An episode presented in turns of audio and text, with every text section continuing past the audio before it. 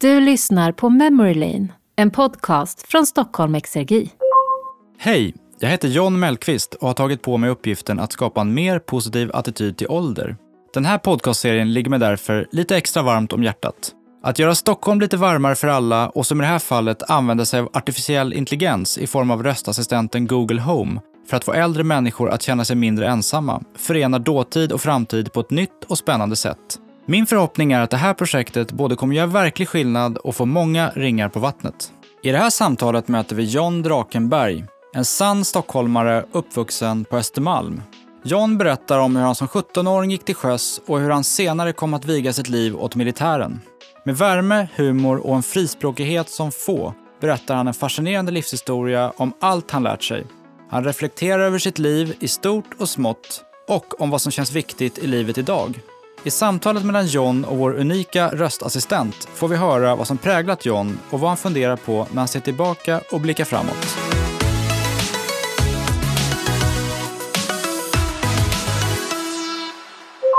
Hej och välkommen till Memory Lane. Du får gärna dela din berättelse med dina nära och kära. Vad heter du och hur gammal är du? John Börje Drakenberg. Jag är 88 år. Hur var din barndom? Ja, eh, problemfri vill jag påstå. Var växte du upp? På Karlavägen 64 i eh, Stockholm. Nästan mitt emot Österdal ligger det huset. Karlavägens fulaste hus. När vi bodde där så var det ett gammalt fint utsirat hus med vackra portmålningar och grejer. Men, men det revs för att eh, ägarna hade inte orken och kraften att modernisera till exempel att föra in eh, centralvärme. Så det revs. Och sen efter det så hamnade vi på, mm, ja då hamnade vi i Malmö, ja just det. Pappa blev, fick en befattning där, eh, sin första överste befattning fick han i Malmö som försvarsområdesbefälhavare. Men det engagerade mig inte mycket och då misslyckades jag i skolan också. Hur många syskon var ni? Fem. Hur var det att växa upp i stan med fem syskon? Ja, det var... Eh, på Karlavägen var det lite trångbott. Så jag fick dela rum med min eh, lillebror. Hade en sån här barnsäng då med höga sidor och där kunde man lägga en masonitskiva över när han skulle sova. Så man kunde ha tänt i rummet. Min farmor på Linnégatan, Linnégatan vid Narvavägshörnan och stod på balkongen där och såg när pappa gick med vaktparaden från Svägarskasernen ut, ut på Narvavägen och sen ner på Strandvägen. Och då stod vi på farmors balkong på Linnégatan 87 eh, mitt emot eh, Historiska museet. Och vi stod på farmors balkong när de byggde Historiska museet eh, och mursmäckor bar tegel och sen så murarna då murade och la på lager på lager. Så tittade vi på när Historiska museet byggdes. Berätta om när du gick till sjöss. Det var 46 vill jag möjligen påstå. Sommaren 46 var det.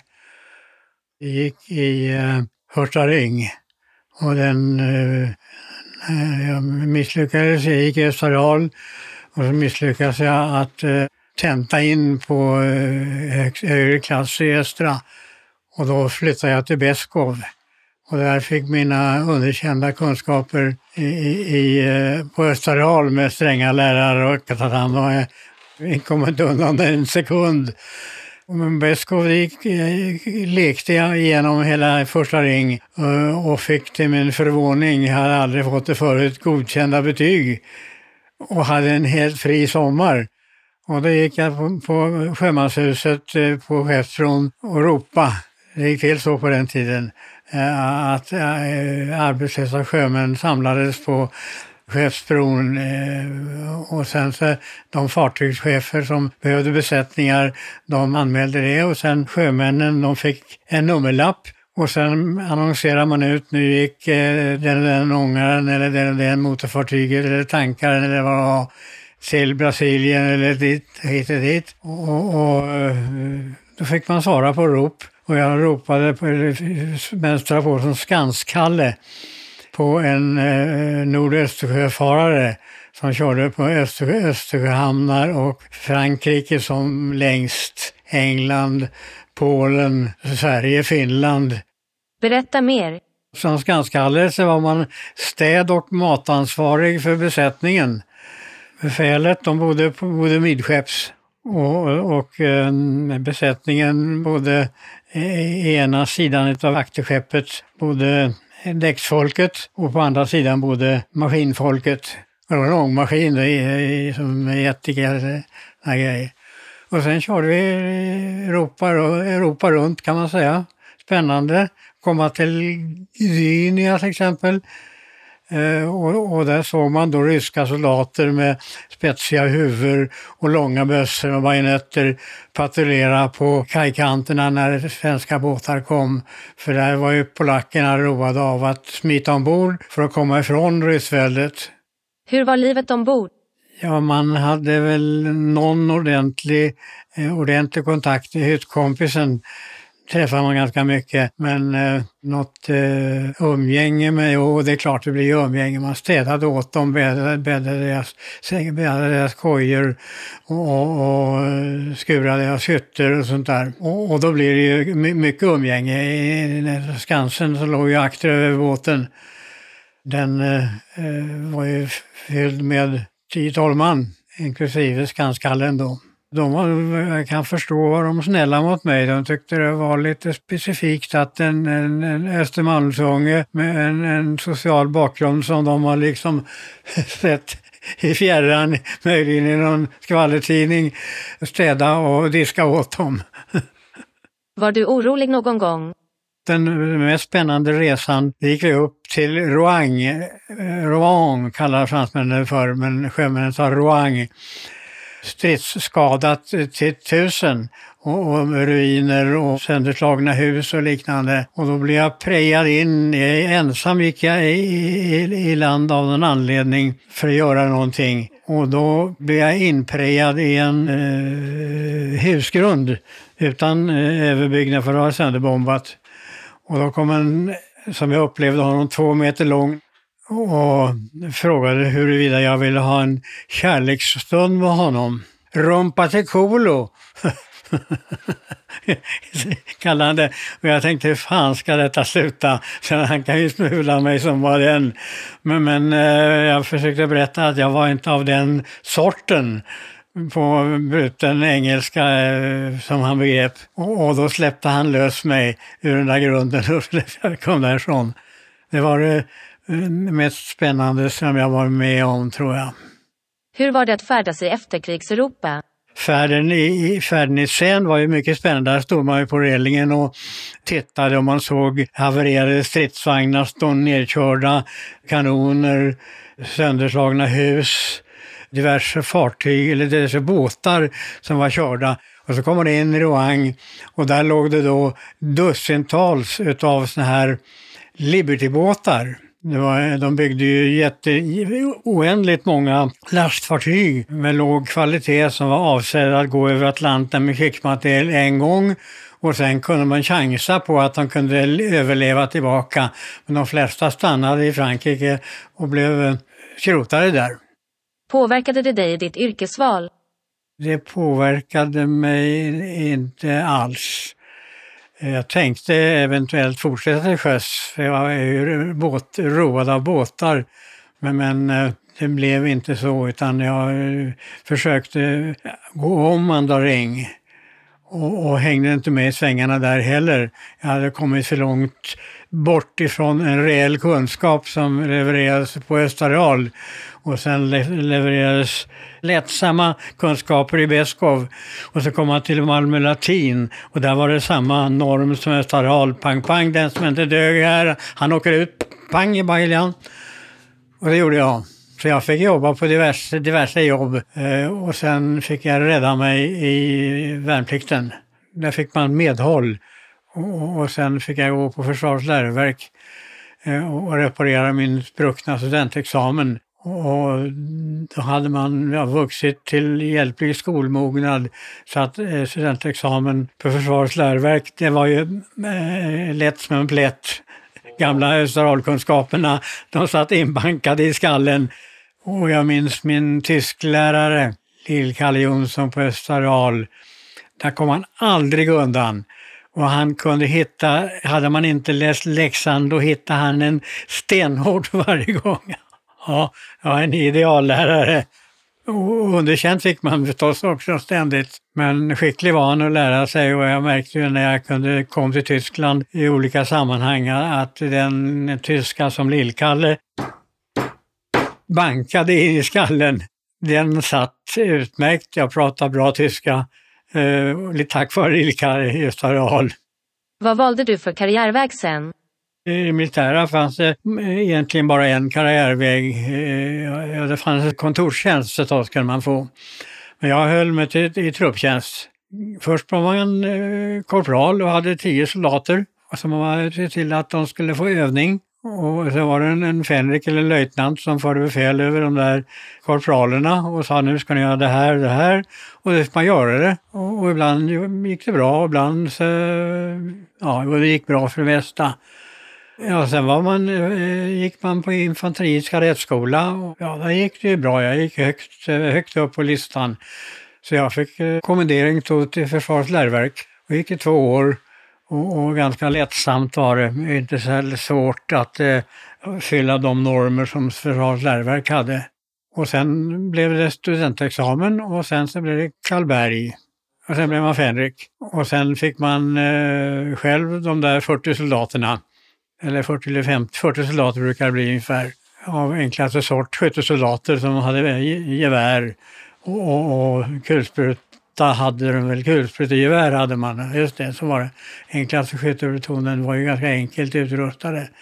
Och det var ju på den tiden då infanteriet var hästdraget. Men då hade just vissa rementen hade fasat ur och, och börjat motorisera. Under det att det var repetitionsförband som kom in, då var de hästdragna på 50-talet, 55, 56 och så här. Det var ryckte soldater och hästar i långa banor in på Järvafältet. Och det var spännande. så fort det handlar om hästar så blir det eh, extra tagg i det hela. Men det är ju inte särskilt effektivt i moderna tider.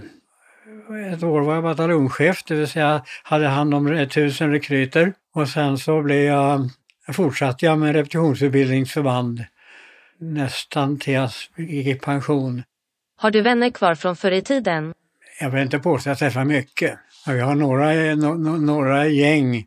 När jag var inne i staberna då, då um, instiftade jag en segelklubb som eh, har träffats 51 gånger oavbrutet sedan det började. Och vi träffas i Stadsnäs eller på Rummarö och, och eh, har någon kappseglingsliknande eh, övning för oss och sen hamnar vi på, oftast på Eknö. För där finns det en bra hamn och man kan rigga eh, grillar och hålla bastu och sånt där. Och, och det gänget är väl ett tiotal som med lite varierande innehåll eh, samlas en gång om året. Och sen så brukar vi också, eh, brukar jag trumma ihop ett gäng som eh, lyssnar på arméns musikkår. Och det är eh, bra fart i dem. De har ju en enastående eh, skicklighet numera. Och så när jag var bataljonskommendör då gjorde jag en egen eh, musikkår. För jag såg på inryckningslistan att eh, en son till en regementsmusiker skulle rycka in. Och så honom, honom ska jag klämma och se till att han blir chef för ett litet, eh, en liten eh, blåsorkester med trumma och, trumma och horn. Och, och sen fångade jag en, eh, sju, åtta andra också som kunde spela trumma och framförallt horn och gjorde en liten bataljonsmusikkår som uppträdde eh, när det var lämpligt. Hur viktigt är det med vänner och familj? Man märker ju nu när uh, Ulla har lämnat oss för fem år sedan ungefär att man, jag, jag har en reserv där. Hon var här, var här och uh, ville påminna mig om en sak. Hon har, lider av Alzheimer och uh, hon tror att eh, jag är lika glömsk som hon. Så hon påminner mig och ringer ideligen. Men ja, vi har hållit ihop i fyra år eh, efter eh, att Ulla eh, lämnade. Hon fick ju den här sjukdomen som inte går att bota. ALS av någon anledning. nervförtvining eh, eh, tycker jag är ett namn som berättar vad det är. Sjukdomen består av att eh, trådarna från hjärnan till muskler förtvinar och blir allt svagare och sämre. Och det innebär att man börjar med att snubbla och överhuvudtaget eh, ha har svårt att hålla sig på benen och skrapa upp ansiktet. Man, man plöjer. Och, och det blir värre och värre. Och sen blev hon sängliggande och sen hamnade hon på Stockholms sjukhem som ju är en fantastisk inrättning. Och där eh, låg hon i 14 dagar välskött som var den. Och sen så dog hon programenligt. Vad betyder ordet ensamhet för dig? Ja, jag har inget, eh, ingen ensamhetskänsla. Jag eh, fick besök eh, av hon där till exempel som ju blir allt mer glömsk. Men, men vi har ju hållit ihop i princip sedan Ulla dog. Har vi träffats tämligen frekvent och eh, en av Ullas sista åtgärder det var att slussa in henne på en våning på huset mitt emot. Och sen har vi upprätthållit en, en bekantskap med umgänge. Två, ja, vi gympar tillsammans två gånger i veckan och sen brukar vi ha ett promenad längs efter stranden eh, en, två gånger i veckan. Eh, och det gör att, att man tycker att när man är promenad och gympafri så har man ledigt en hel dag. Det är ganska, ganska skönt. Vad gör dig lycklig? Ja, eh, det enklaste eh, utav allt är ju när solen skiner härligt, vilket den har gjort ett fåtal dagar här nu i januari. Men här en eller två dagar har det varit, kan vi kunnat sitta nere vid varvet här på en bänk och, och liksom nästan sommarsolat. Då har man det bra. Och sen har man det bra när man sätter sig i motorbåten och åker ut till Eknö. Och vackert väder förstås, men ju äldre man blir ju kräsnare är man på vackert väder. Att vara på Eknö eh, så här på udda tid är egentligen bara att stoppa vedpinnar i spisen. Och då är det skönare och bättre att vara här. Funderar du mycket på hur det är att åldras? Ja, jag tycker det ska bli kul att bli 90 och planlägger eh, kalas på Eknö. Vad är ditt livs stora äventyr? Redan som kadett så hade jag en, eh, en ruffad sexa, om du känner till vad det är för någonting. Och en sån hade vi ett antal år, sen kom små barn. Och den där sexan den har väldigt förmåga att antingen ligga sådär, och barnen ramlar dit och skriker och tjoar, eller också gör den sådär, då ramlar barnen dit och skriker och tjoar. Och, och då tröttnade Ulla på den, den livsformen. Och vi skaffade en eh, dansk trålare med råljemotor, dunk, dunk, dunk, och man med tändkulor, tändkuledriven Eh, med eh, blåslampor och eh, oljesprut och skitiga naglar och, och sådär. Och den seglade vi ett antal, eller körde vi ett antal år med, med familjen.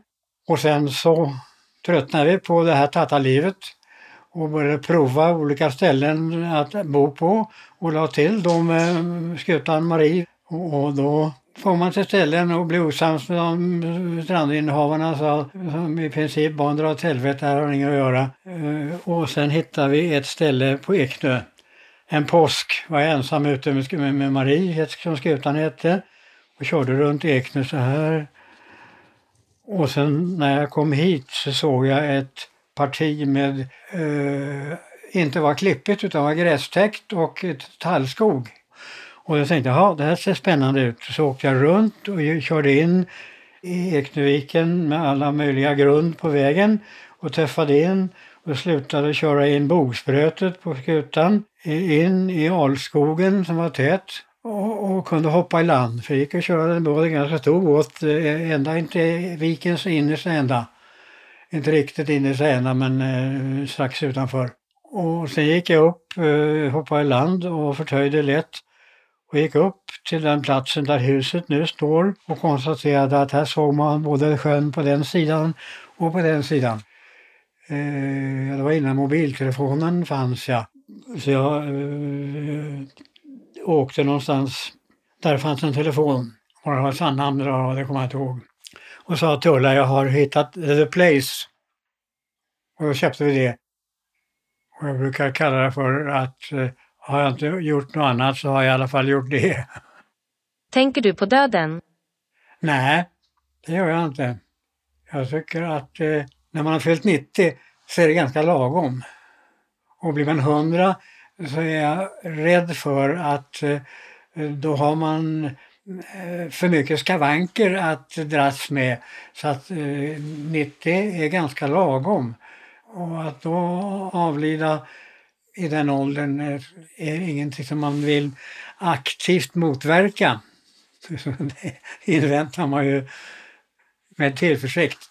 Men hjärtdoktorn som jag går på eh, en gång om året sa det är goda chanser att bli 90. Och då ska det bli ett kalas på Eknö och då ska det bli avslutning. kanske, kanske. Men något självmord brukar jag inte göra. Hur har livet varit? Jag tycker att det har varit eh, bra. Och vissa stycken har man varit eh, lite stolt över. Och vissa stycken har man varit mindre stolt över och eh, fått rätta till. Blev det som du hade tänkt dig? Nej, jag har hela tiden tagit det som det har kommit. Och slumpen har, har lett mig till exempel eh, efter misslyckad skolgång eh, lät mig in i det militära och där eh, fanns det fasta mallar och eh, regelverk som det var lätt att leva efter. Och det regelverket har med vissa lärpengar eh, varit eh, ja, lett till en, en hygglig, hygglig, kan vi kalla för pensionärsperiod här. Och tycker att man hade tur att i slutändan funkar så bra. Att man som enkelman har kamrater tvärs över gatan eller i närområdet. Och att man eh, håller sig hjälpligt frisk och kan åka ut, eh, köra båt och så där. Så jag tycker lite, ja, jag är nöjd med tillvaron och nöjd med livet och tycker att man borde ju förstås eh, varit duktigare i skolan. Men det var jag inte av någon anledning. Jag begrep inte, jag begrep inte att, eh, att, eh, att liksom man gick i skolan och lät det bara gå istället för att lägga manken till och läsa extra och dela med tredje. Tack för att du har delat din livshistoria. Jag har inga fler frågor just nu. Hej då!